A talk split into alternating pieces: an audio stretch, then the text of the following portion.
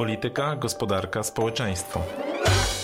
Szukamy różnych punktów widzenia i odrzucamy proste tezy. Rozmawiamy z ciekawymi gośćmi. Analizujemy sprawę z jednej, ale też z drugiej strony. Tomasz Żółciak Grzegorz Osiecki, a dzisiaj naszym gościem jest e, profesor Marek Migalski, politolog z Uniwersytetu Śląskiego, autor wielu książek e, o politologii, ale też nie tylko o politologii, a chcieliśmy no, przeprowadzić pewne podsumowanie roku i zastanowić się nad tym, e, co nas czeka w kolejnym roku i w kolejnych latach na naszej scenie politycznej. Dzień dobry. Panie Dzień profesorze. dobry, chociaż małe sprostowanie, nie jestem autorem żadnej książki o politologii, natomiast jestem autorem rzeczywiście wielu książek o polityce. E, jestem politologiem, nie piszącym o politologii, tylko o polityce, ale dziękuję za, za to miłe przedstawienie. To stanęliśmy teraz na ziemi i zaczynamy podcast. E, panie profesorze, e, miejmy nadzieję, że teraz pójdzie z górki. Tak jak Grzegorz powiedział, chcemy z jednej strony spojrzeć wstecz, ale też spojrzeć, spojrzeć na to, co przed nami. Może najpierw ta, ten, ten, ten pierwszy element, czyli co za nami. E, no, chyba nie ulega wątpliwości, że e, wydarzeniem roku jest e, zmiana władzy, kampania zakończona, jak to niektórzy mówią, z wyrażką Prawa i Sprawiedliwości, który no, formalnie wybory wygrał, ale nie wygrał władzy ostatecznie i to się przypieczętowało 13 grudnia, kiedy mm, doszło do zaprzysiężenia gabinetu Donalda Tuska. Czy Pana zdaniem to odsunięcie PiSu od władzy to to znaczy, że idzie naprawdę coś nowego, czy po prostu aktorzy zmieniają kostiumy w tej wojnie polsko-polskiej? Um, bardzo skomplikowane pytanie.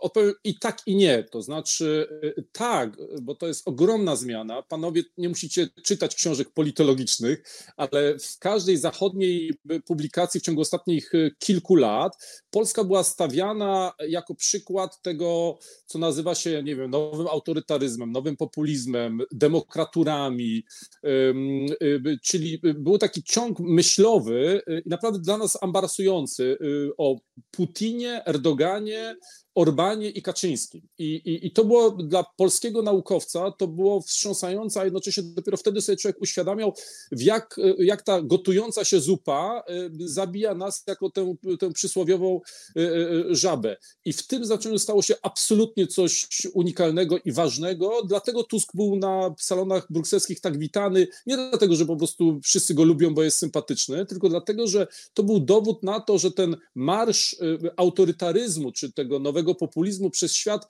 y, y, nie jest konieczny, nie jest marszem y, w heglowskim znaczeniu. Czyli, że czyli, można powiedzieć, czyli można powiedzieć, że żaba zorientowała się, że jest gotowana? Tak, nagle po prostu dotknęła tego, e, tego, tego garneczka, tej, tej ściany tego garnka i się zorientowała, że po prostu jest bardzo blisko, bardzo blisko i to jest ta, to, co chcę powiedzieć o, o tej wadze tych wyborów, była bardzo blisko temu, żeby, tego, żeby przejść do systemu, który jest właściwie już niewywracalny. Trochę tak jak już u, u Orbana, znaczy system e, węgierski już dawno nie jest demokratyczny i jest prawie niewywracalny. Znaczy Orbana praktycznie w, w ramach alternacji władzy, takich normalnych e, politologicznych, czyli wyborów, i praktycznie się nie da go obalić. I my byliśmy w moim przekonaniu, to był ostatni moment, kiedy ta władza mogła być obalona, ponieważ jeśli sobie wyobrażam, ale dopiero będziemy mówili o przyszłości, wyobrażam sobie to, co działoby się w trzeciej kadencji PiSu, to to byłby system już absolutnie zdegenerowany, taki oligarchiczny, quasi autorytarny i z tego punktu widzenia naprawdę stało się coś absolutnie fundamentalnego. Natomiast Pana pytanie też dotyczy tego, czy czasem nie jest to tak, że to, jest, to samo będzie w nowych, nowych, nowych strojach i chciałbym powiedzieć, że troszkę tak. Znaczy, jak ktoś się, czyli po pierwsze, i to jest dla mnie najważniejsze w tej wypowiedzi, stało się coś bardzo istotnego, ale to nie oznacza, że skończyła się polityka.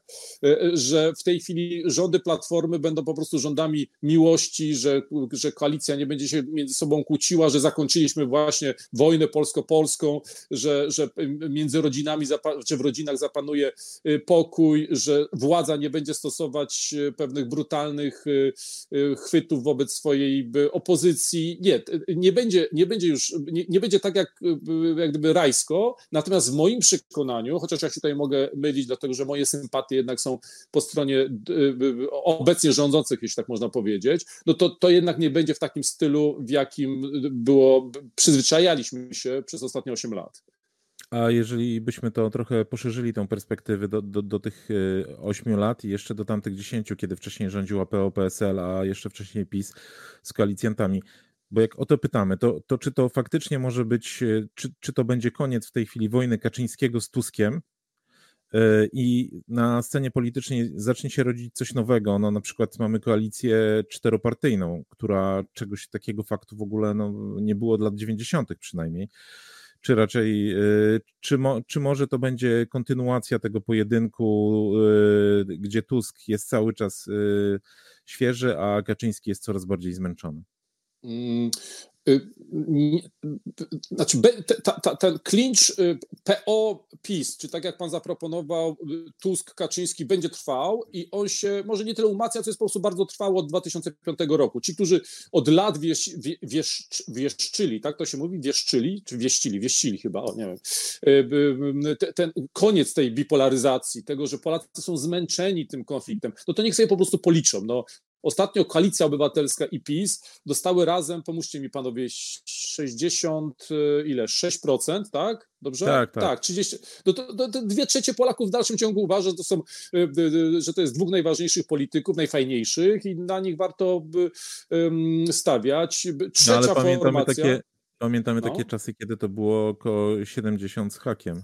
Tak, i to jest, ale to jest, to jest 66 do 70 z hakiem, y, bo chyba naj, najwięcej było chyba w ostatnich wyborach, tak mi się wydaje, bo to było 43 PiSu, prawda, i te 20 tam chyba 7, e, e, by, by, ale to musielibyśmy policzyć, ale życie to było troszeczkę powyżej 70, ale to jest ciągle absolutna dominanta y, w polskiej debacie publicznej i dopóki obaj panowie będą tego chcieli i dopóki obaj panowie będą liderami swoich partii, o tym możemy za chwilę porozmawiać, czy tak naprawdę będzie, to dokładnie tak się to będzie utrzymywać. Oczywiście wynik trzeciej drogi jest fajny, ale panowie, no to jest 14%.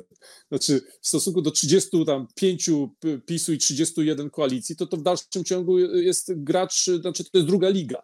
I nie sądzę, żeby ten dzisiejszy zachwyt nad Szymonem Hołownią, y, w jakimś sensie uzasadniony, spowodował, że trzecia droga nagle stanie się konkurentką na poważnie Platformy czy, czy PiSu, bo zresztą mieliśmy z tym tymi y, y, takimi y, jakby skokami sondażowymi mieliśmy do czynienia. Przecież pamiętacie, jak na początku Nowoczesna w pewnym momencie zaczęła wyprzedzać po, 2000, po wyborach 2019 roku, nie, po 2015, Nowoczesna zaczęła wyprzedzać w sondażach Platformą Obywatelską. Tylko, że to się później skończyło, bo, bo, bo wybor, z różnych powodów. Jak chcecie, to o tym powiem, ale z różnych powodów nie sądzę, żeby ten, ten, ta, ta, ta bipolaryzacja się skończyła. Chyba jest jeden tylko powód, znaczy, że Donald Tusk przechodzi do, do do Pałacu Prezydenckiego. Jak pan interpretuje te mm, ostateczne wyniki tego wyborczego starcia? To znaczy, e, no mówi się, prawda, że, że władzę, władzę się zdobywa, władzę się traci, ale pytanie, kto, kto ją zdobył, a kto stracił tak realnie, bo często się podkreślało przez te 8 lat, że PiS był silny słabością swoich e, przeciwników, że on po prostu nie miał z kim przegrywać e, tych wyborczych bojów. E, no i teraz mamy opozycję, która się rzeczywiście skonsolidowała, e, podjęła taką taktyczną decyzję, by wystartować nie z jednej listy, takiej mitycznej jednej listy, ale w ramach kilku bloków. I to okazało się e, z tego taktycznego punktu widzenia sukcesem. PiS może podkreślać po stokroć, że przecież te wybory wygrał, no ale nie liczy się, się to, kto pierwszy na mecie, tylko kto dzierży władzę w ręku. I co takiego się stało? Czy, czy opozycja wygrała przez to, że PiS no, targany tymi wewnętrznymi konfliktami, no, stracił ten impet, siłę e, i, i, i, zdolność do rozgrywania przeciwnika, czy po prostu PiS e, by osiągnął swoje maksimum i e, no, w końcu trafił na skonsolidowanego przeciwnika, z, który, z którym właściwie nikt by nie wygrał? Więc e, to jest kilka rzeczy. Ja na końcu tej wypowiedzi odpowiem bezpośrednio na Pana pytanie, ale kilka rzeczy tak. E, znaczy, e, bo to trzeba podkreślić, PiS wygrało te wybory, a to oznacza, że, że, że, że jak gdyby, i o tym będę mówił, PiS nie przegrało z opozycją, tylko przegrało ze społeczeństwem. To jest na razie populistyczne, co powiedziałem, ale spróbuję to uzasadnić. Po drugie, u Pana znalazła się w wypowiedzi taka teza, że właściwie te, te pójście kilkoma blokami okazało się lepsze niż byłoby pójście jednym blokiem. Tego nigdy się nie dowiemy.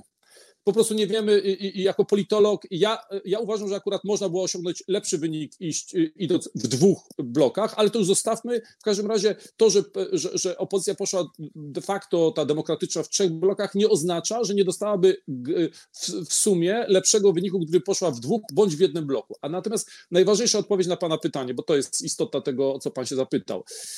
Moja teza jest następująca. PiS y, y, y, straciło władzę, ponieważ upokarzało społeczeństwo, upokarzało dużą część społeczeństwa, czyli swoich przeciwników politycznych. Czyli PiS nie przegrało dlatego, że jest wysoka inflacja, że były afery, że dług publiczny jest ileś tam, a, a, a nie wiem, deficyt budżetowy jest jakiś tam. No to będę panowie, wiecie jaki jest deficyt budżetowy albo dług publiczny? Ja nie wiem.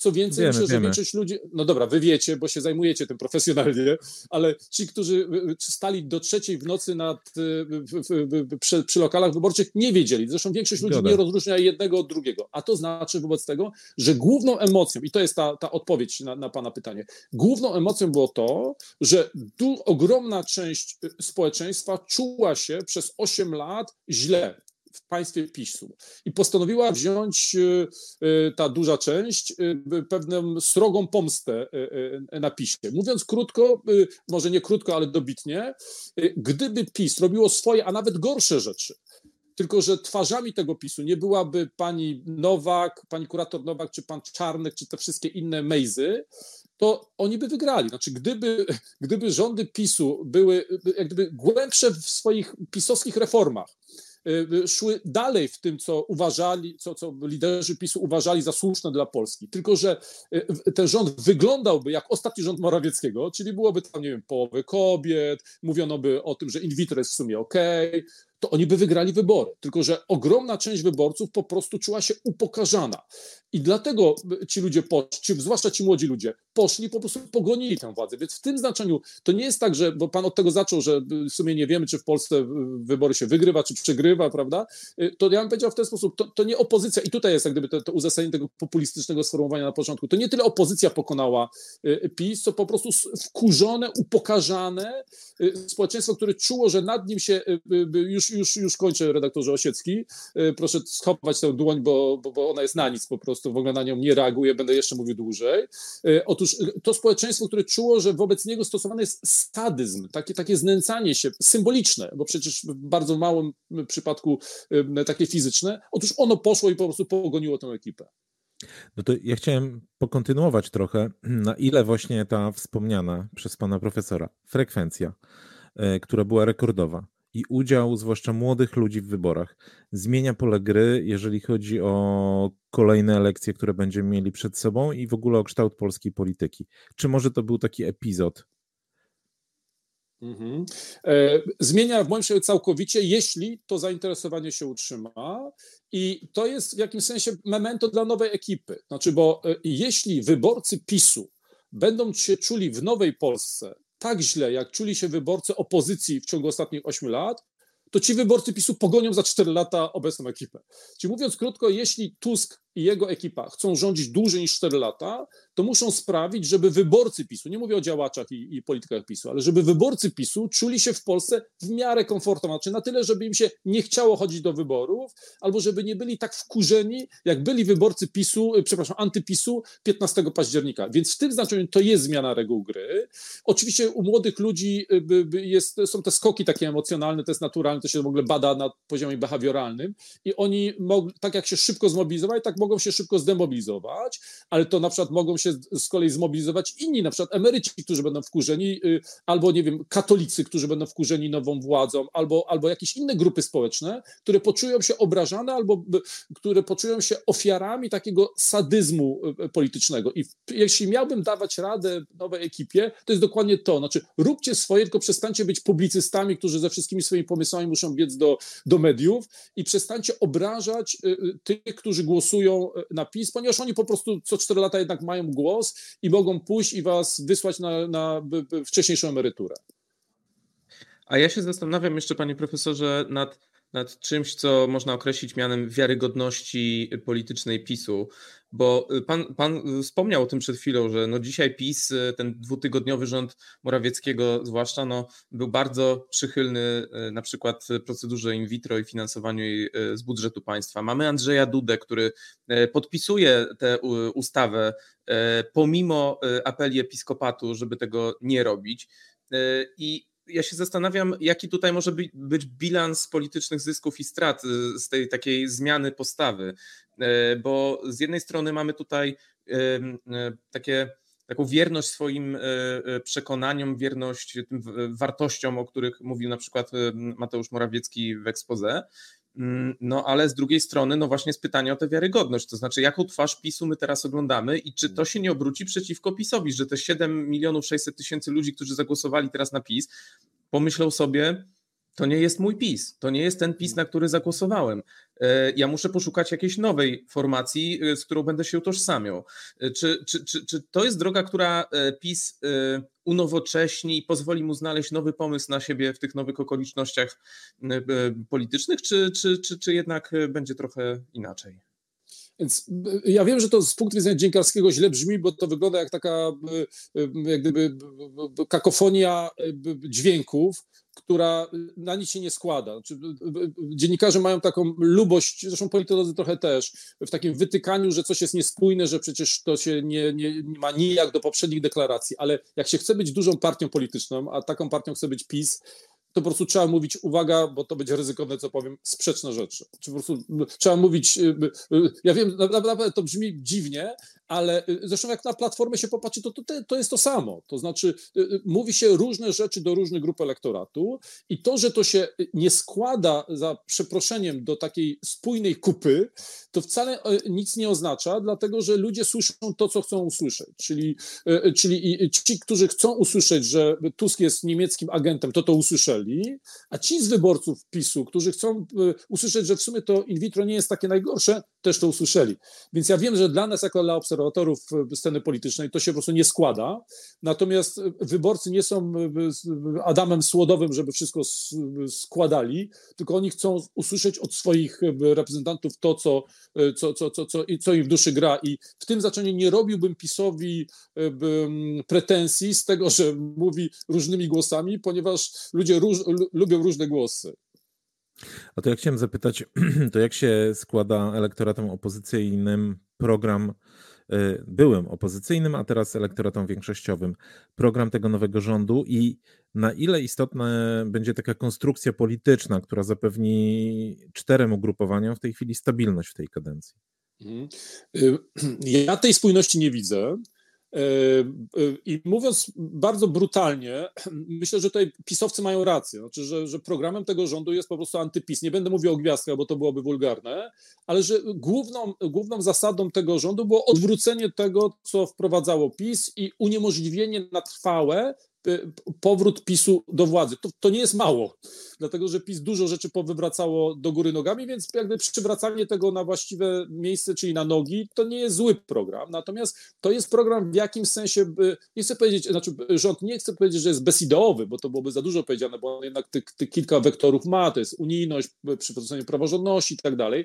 Natomiast to jest rząd czysto polityczny. Znaczy, proszę zwrócić uwagę, że połowa, więcej niż połowa ministrów nie zna się na y, resortach do których zostali powołani. I to nie jest przypadek. Znaczy, Tusk chce mieć spokój. Tusk w Ministerstwie na przykład Nauki nie chce mieć kogoś takiego jak ja, który ma wizję tego, jak powinno wyglądać nauka, ponieważ Tusk nie chce mieć u siebie wizjonerów. On chce mieć tam faceta, który dotychczas zajmował się żeglugą śródlądową i turystyką, po to, żeby tam uspokoić studentów z jakiegoś akademika, który się burzy i żeby środowisko dostało po 30% podwyżki i żeby tu był spokój. Więc w tym znaczeniu to nie ma być rząd, który ma spójną wizję światopoglądowo-ideologiczną, ale to ma być y, y, skuteczne narzędzie polityczne, do uprawiania polityki, takiej polityki, jaką wyznaczy jej premier. I w tym zaczęły natomiast premier w moim przekonaniu ma dwa cele, znaczy właśnie jak gdyby zrobić wszystko, żeby utrudnić PiSowi powrót do władzy oraz, no i to jest tam moja y, teza, która jest dosyć ryzykowna, żeby ułatwić Tuskowi start w 2025 roku w wyborach y, prezydenckich. A to do, do, tej tezy dojdziemy jeszcze później, natomiast ja chciałem zapytać o spójność tego rządu. Czy w takim razie tej polityczności rządu e, wystarczy na 4 lata, na to, żeby ten rząd e, sprawował władzę przez 4 lata? Robiliśmy niedawno taki sondaż, e, tam 47% Polaków wskazało, że wytrzyma całą kadencję, no generalnie kilka procent jeszcze, że będzie to powyżej dwóch lat więc większość powiedzmy obstawia, że to będzie co najmniej dwa lata, czyli co najmniej do roku 2025. Ale czy to, czy to paliwo antypisowskie i ta spójność polityczna wystarczy do tego, żeby, żeby rządzić cztery lata i potem jeszcze myśleć, no może jeszcze kolejna kadencja? Jestem przekonany, że tego paliwa wystarczy. Znaczy, ty, y, o to już zadbało PiS żeby wszystkie inne różnice ideologiczne między nie wiem, Romanem Giertychem a, a, a Zandbergiem, bo Zandberg też przecież w jakimś sensie popiera, czy tych, tych siedmioro e, polityków razem w jakimś sensie popiera w dalszym ciągu przecież, chociaż nie weszło do tego rządu, ale jest częścią jak gdyby tego układu.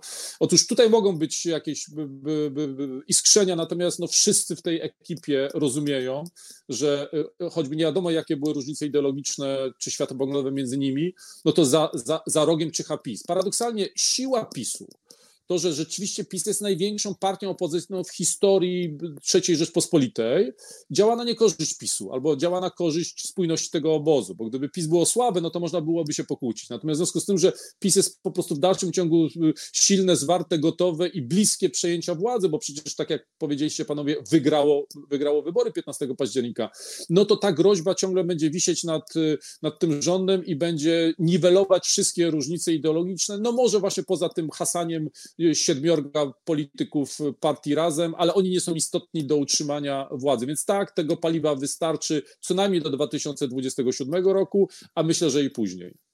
To ja chciałem zapytać jeszcze, jakby, co, co ta koalicja będzie robiła ze spuścizną PiS, bo o części mówiliśmy tak o kwestiach praworządności takim kursie antyunijnym, który, znaczy może nie tyle antyunijnym, no ale unijno-sceptycznym, czy brukselo-sceptycznym, który y, jest właśnie odwracany.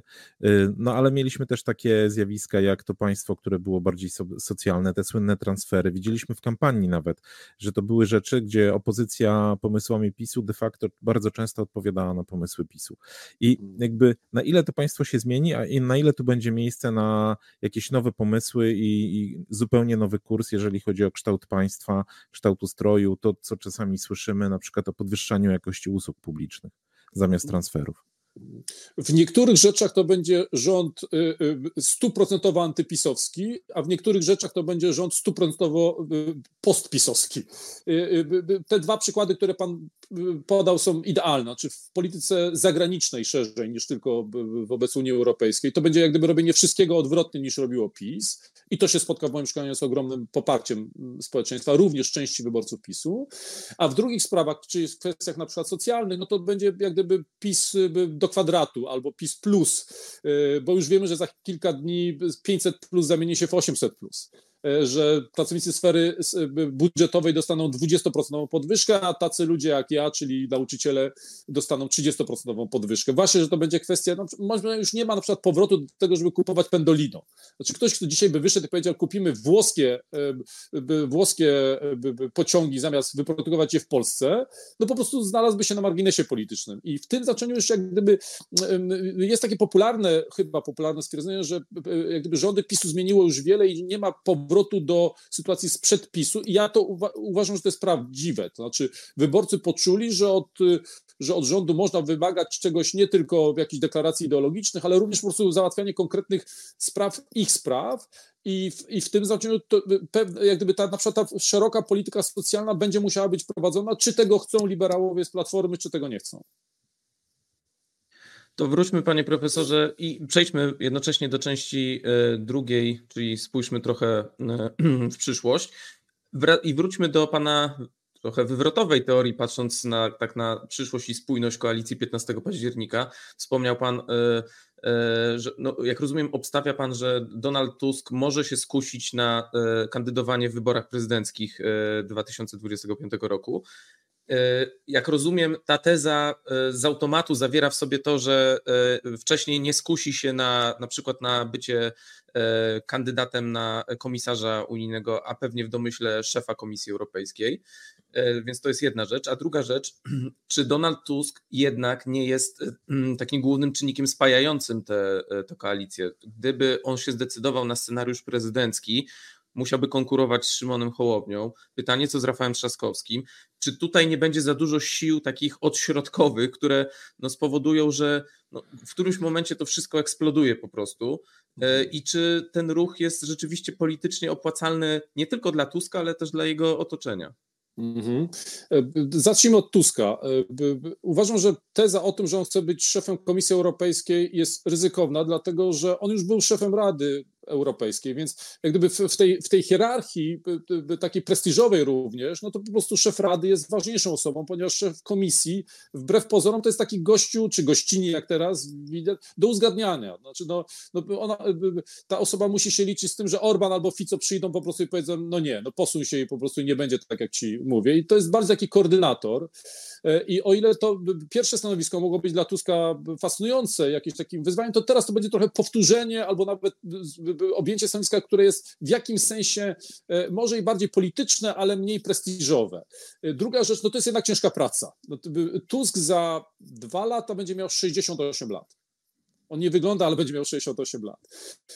Zapisanie się na następne 5 lat na ciężką pracę poza domem, poza rodziną, E, poza swoim ukochanym Sopotem, to jest w moim przekonaniu coś mniej atrakcyjnego niż, i tutaj trochę psychologizuję, niż dziesięcioletnie zakończenie i zwieńczenie swojej kariery e, funkcją głowy państwa. E, będzie sobie wyjeżdżał do Juraty, do zameczków w, Wiśle. Trochę, trochę, trochę to sprowadzam do absurdu, ale to, to jest, no to jest jednak, jednak większe marzenie polityka, żeby być prezydentem. I teraz o ile wygrana w 2020 roku była niemożliwa i to wszyscy rozumieli, oprócz wielkich fanów Tuska, którzy mówili wracaj, pokonaj Dudę. Tusk im mówił, nie, nie pokonam, mam za duży elektorat negatywny. Czyli to, co było niemożliwe w 2020, będzie banalnie łatwe za półtora roku.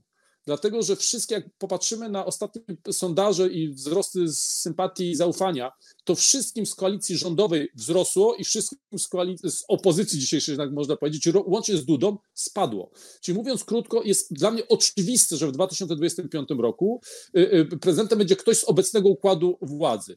I jeśli próbuje psychologizować to, jak myśli Tusk, to on sobie myśli w ten sposób. Dlaczego to ma być Trzaskowski? Dlaczego ja mam przejść do historii jako facet, który został pokonany w 2005, a Trzaskowski ma przyjść po prostu wziąć na gotowe to, co mnie się nie udało? To ja, ja przyjdę, powiem chłopakom, y, żeby się posunęli i że ja startuję. Oczywiście, że Hołownia będzie musiał wystartować, no ale panowie, no to potencjał jest niewiarygodnie różny, dlatego że pamiętacie, że to nawet nie chodzi o to, że dzisiaj y, Hołownia ma większą sympatię, bo ma oczywiście i ma mniejszy elektorat y, negatywny niż Tusk, bo ma, no ale gdyby sympatie decydowały o tym, kto zostaje prezydentem kraju, to w, dwa, to w 95 roku byłby nim Jacek Kurski, y, Kuroń, Jacek Kuroń. Kurski raczej, raczej nie, Jacek Kuroń, a, a, a, a 5 lat, a 10 lat temu czy 8 lat lat temu byłby to Bronisław Komorowski. Jak wiecie, to się nie przekłada, prawda? To wchodzą te, te, te, te jak gdyby sympatie polityczne i po prostu jeśli będzie tak, że za, za te kilkanaście miesięcy stanie do wyborów Tusk, jakiś kandydat PiSu i Hołownia, no to po prostu do drugiej tury wchodzą przedstawiciel największego ugrupowania rządowego, czyli Tusk. I, inaczej, ktokolwiek by tam był, wejdzie w, w pierwszej turze. Chociaż przykład pani Kidawy Błońskiej mówi o tym, że nie zawsze się tak sprawdza, ale tutaj chyba tak będzie. No i kandydat PiSu. I jedynym, i to jest uwaga, bo to jest zabawne, jedynym, co mogłoby zagrozić Tuskowi w, w tym łatwym, łatwej, łatwej drodze do Pałacu Prezydenckiego, to jest nie wejście słabego kandydata PiSu do drugiej tury. Bo jeśli do drugiej tury wszedłby Hołownia, to wtedy Hołownia ma większe szanse na zwycięstwo y, y, niż Tusk. Natomiast no, jeśli, jeśli się PiS ogarnie i pozbiera tam się w sobie i wystawi jakiegoś takiego w miarę przyzwoitego y, kandydata, który po prostu dostanie te 25% w pierwszej turze, no to po prostu go, Tusk go zmiażdży w drugiej turze, będzie 60 do 40. To ja, ja, krótko tylko zapytam, mm, bo no, sam pan profesor mówił na przykład o tym, że ten elektorat negatywny pewnie stopnieje w ciągu dwóch lat, ale były takie badania w roku 2020, gdzie to były badania jakościowo-ilościowe i tam jako taki wymarzony kandydat był wskazywany 40-latek z rodziną. Więc pytanie, czy tutaj yy, na przeszkodzie na przykład nie stanie wiek Tuska? Czy on ja się uważam, nie rozwinie z jakimiś społecznymi wyobrażeniami? Ja w ogóle nie wierzę w to. Znaczy, y, y, uważam, nie wierzę w te badania. Sorry, panowie, bo to oby to nie było, że dla was gazety to było robione. Ale po prostu w ogóle nie wierzę w takie, takie gadania. Czy 60-latek wygląda lepiej jako prezydent niż 40-latek. Y, ale pomijając to, przez, przez, bo, te, bo teraz wracamy też do tego, o czym mówiliśmy, o tym kształcie rządu. Przecież ten rząd jest po to, żeby wszystkim było miło. Przez najbliższe kilkanaście miesięcy Y, rodziny z dziećmi dostaną 800, plus, a profesorowie uniwersytetu dostaną 30% podwyżkę. Y, y, wszyscy będą zadowoleni. Wszyscy będą szczęśliwi i zadowoleni, jak w tym słynnym dowcipie kabaretu moralnego niepokoju. Będzie pan zadowolony. Ten rząd został w moim przekonaniu po to tak skonstruowany, dlatego jest polityczny, a nie wizjonerski czy fachowy, żeby tam po prostu doprowadzić do tego, żeby wszyscy byli szczęśliwi. W tym zaczęciu zmniejszy się elektorat negatywny Tuska, bo to dla niego jest istotne, i zwiększy się elektorat pozytywny. To zresztą jest eksperyment, dlatego dlatego że nigdy premier nie został, y, y, nie został prezydentem. Więc to, a tutaj byłby w ogóle przeskok z premierostwa do, do prezydentury, ale uważam, że dokładnie tak by, jeśli mamy coś wyznaczyć w przyszłość, bo tego się by, by, by redaktor domagał, to, to, to, to, następny rok będzie po prostu przygotowaniami całego układu rządowego, świadomie czy nieświadomie, bo większość ludzi może nawet nie będzie wiedziała, w czym bierze udział, do wystawienia, jak gdyby do takiego ułożenia przedpola Tuskowi do startu do, do, Pałacu Prezydenckiego. Przed nami e, jeszcze w tym czwórboju wyborczym e, wybory e, samorządowe i wybory europejskie przyszłoroczne. Jak Pana zdaniem tutaj wygląda punkt startu? To znaczy, oczywiście, no teraz PiS jest w defensywie, PiS musi y, y, znaleźć jakiś nowy pomysł na siebie. E, koalicja 15 października ciągle jest niesiona tą falą zwycięstwa w jakimś sensie i, i tak jak Pan zauważył, no teraz to będzie taki y, rząd sympatyczny, który dostarcza różnego rodzaju przyjemności różnym grupom społecznym, e, ale pytanie, czy czy tę pozytywną emocję e, da się podtrzymać przez, e, przez te kolejne miesiące i czy w tym czasie PiS e, no jednak no, nie zdąży się odbudować, nie, nie wymyśli się na nowo i no, rzeczywiście może jeszcze tutaj trochę namieszać. No, nasi rozmówcy wskazują, że mm, no, sytuacja jest zgoła inna niż w 2015 roku, kiedy Platforma oddawała władzę, bo wówczas kolejną szansą na takie sprawdzenie się e, wyborczo, to był rok 2018, czyli wybory samorządowe, trzy lata przerwy tak naprawdę e, i brak takiej motywacji e, do jakiegoś bardziej takiego zmobilizowanego działania. No tutaj mamy właściwie jedne wybory po drugich i pytanie, komu ten krótszy czas w tym momencie służy? PiSowi czy koalicji 15 października? Mhm.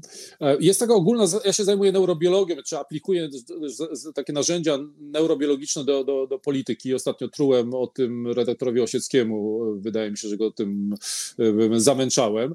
E, e, ale jest taka zasada wyniesiona jak gdyby z naszej ludzkiej, przedludzkiej ewolucji, przyłączania się do silniejszego.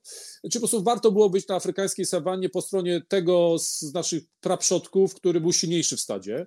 I my to obserwujemy w politologii w takim efekcie post. Znaczy, że, że jak zapytamy się na przykład za trzy miesiące,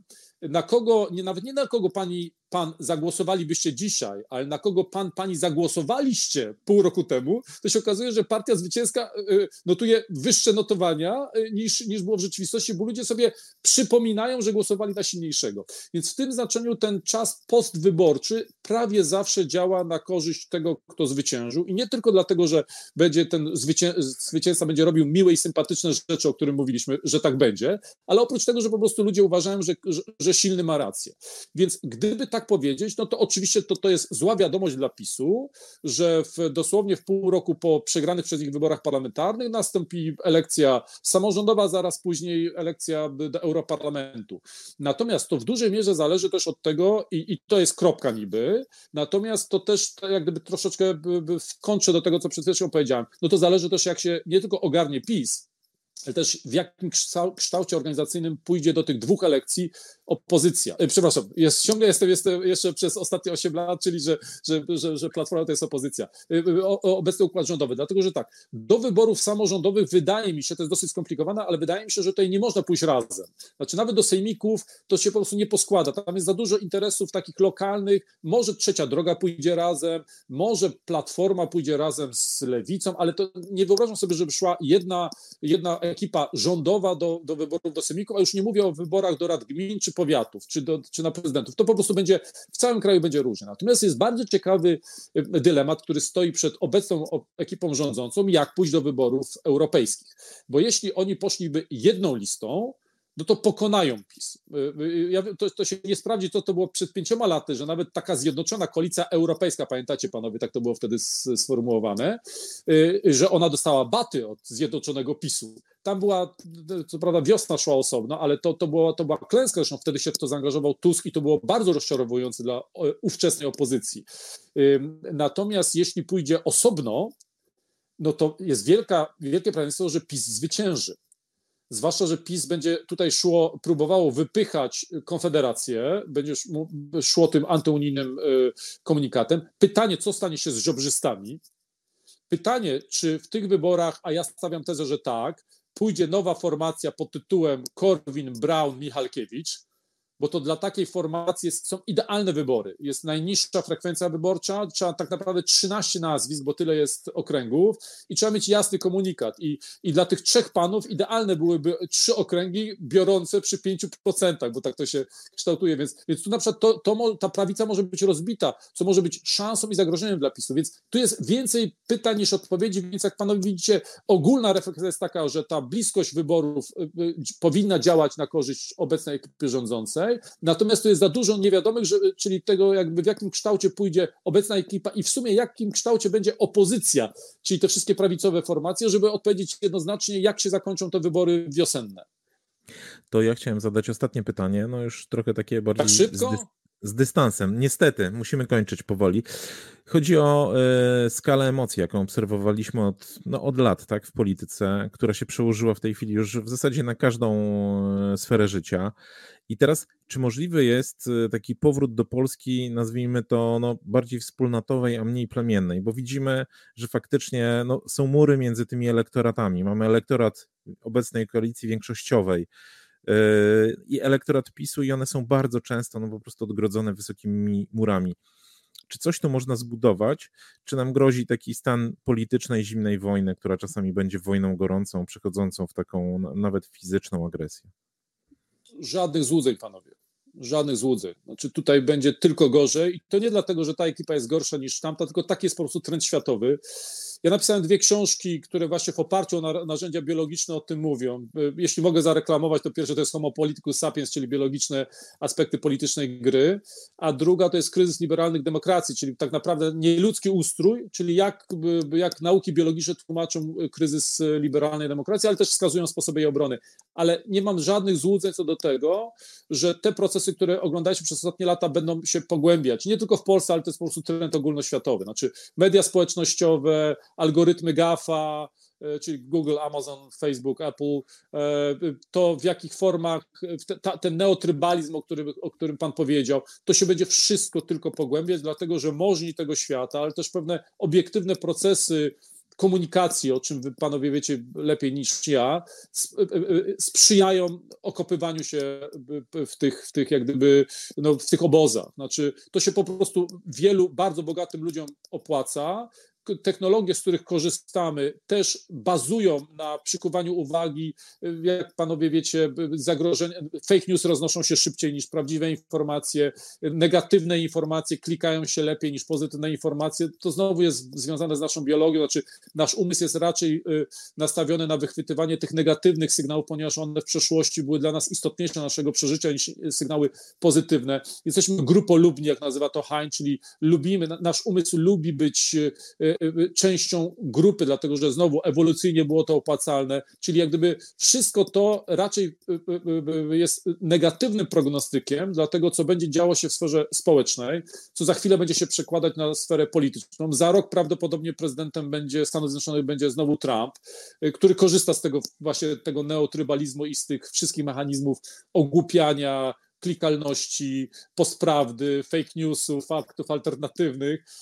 E, wszystko to już jest opisane. E, e, wniosek politologiczny może być tylko jeden.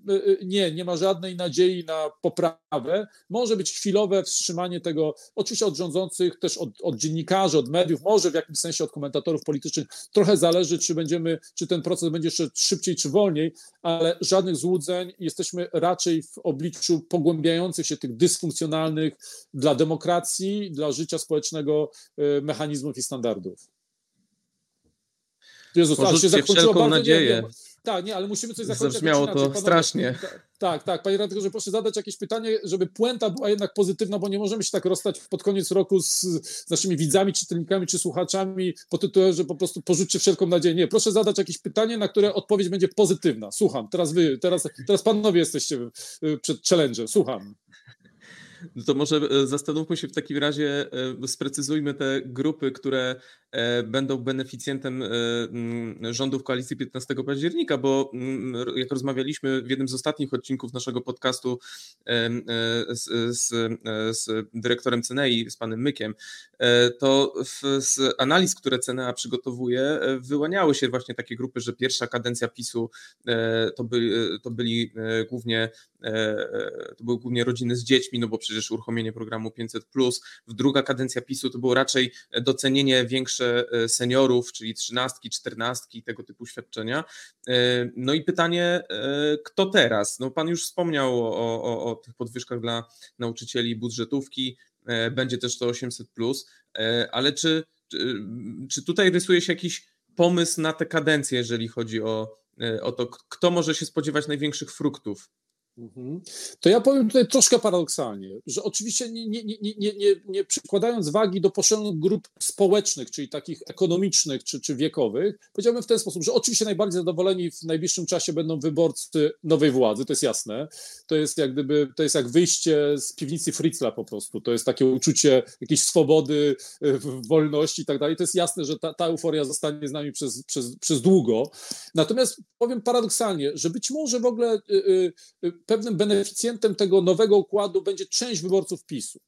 Y, na pewno zależy na tym y, Tuskowi, obecnemu, obecnemu systemowi, y, obozowi władzy, żeby ci ludzie czuli się właśnie ukontentowani, ale mam takie wrażenie, że też ci wyborcy żyli przez 8 ostatnich lat w takim, w takim stresie, znaczy ciągle widzieli, że na naszą suwerenność czyhają Niemcy, Brukselczycy, by, by, by, nie wiem, no wszyscy Czesi, prawda, którzy nam chcą zabrać Turów. Znaczy, myślę, że to był jakiś dyskomfort, że ci ludzie byli specjalnie pobudzani przez tę szczujnię, która była kiedyś nazywana mediami publicznymi i że to y, y, powodowało, że oni żyli oczywiście pod rządami, które uważali za słuszne, ale jednocześnie w jakimś takim poczuciu zagrożenia.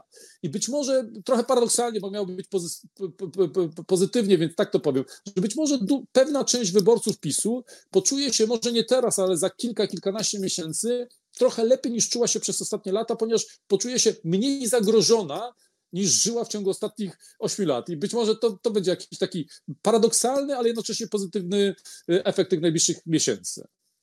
No to, to wiem, że trochę puenta poprzedniej wypowiedzi była inna, ale mam nadzieję, że jednak trochę spokoju nam się przyda i może tego trochę spokoju nastąpi. Dziękujemy bardzo za bardzo ciekawą rozmowę. Naszym gościem był profesor Marek Migalski z Uniwersytetu Śląskiego. Bardzo dziękuję. Dziękujemy.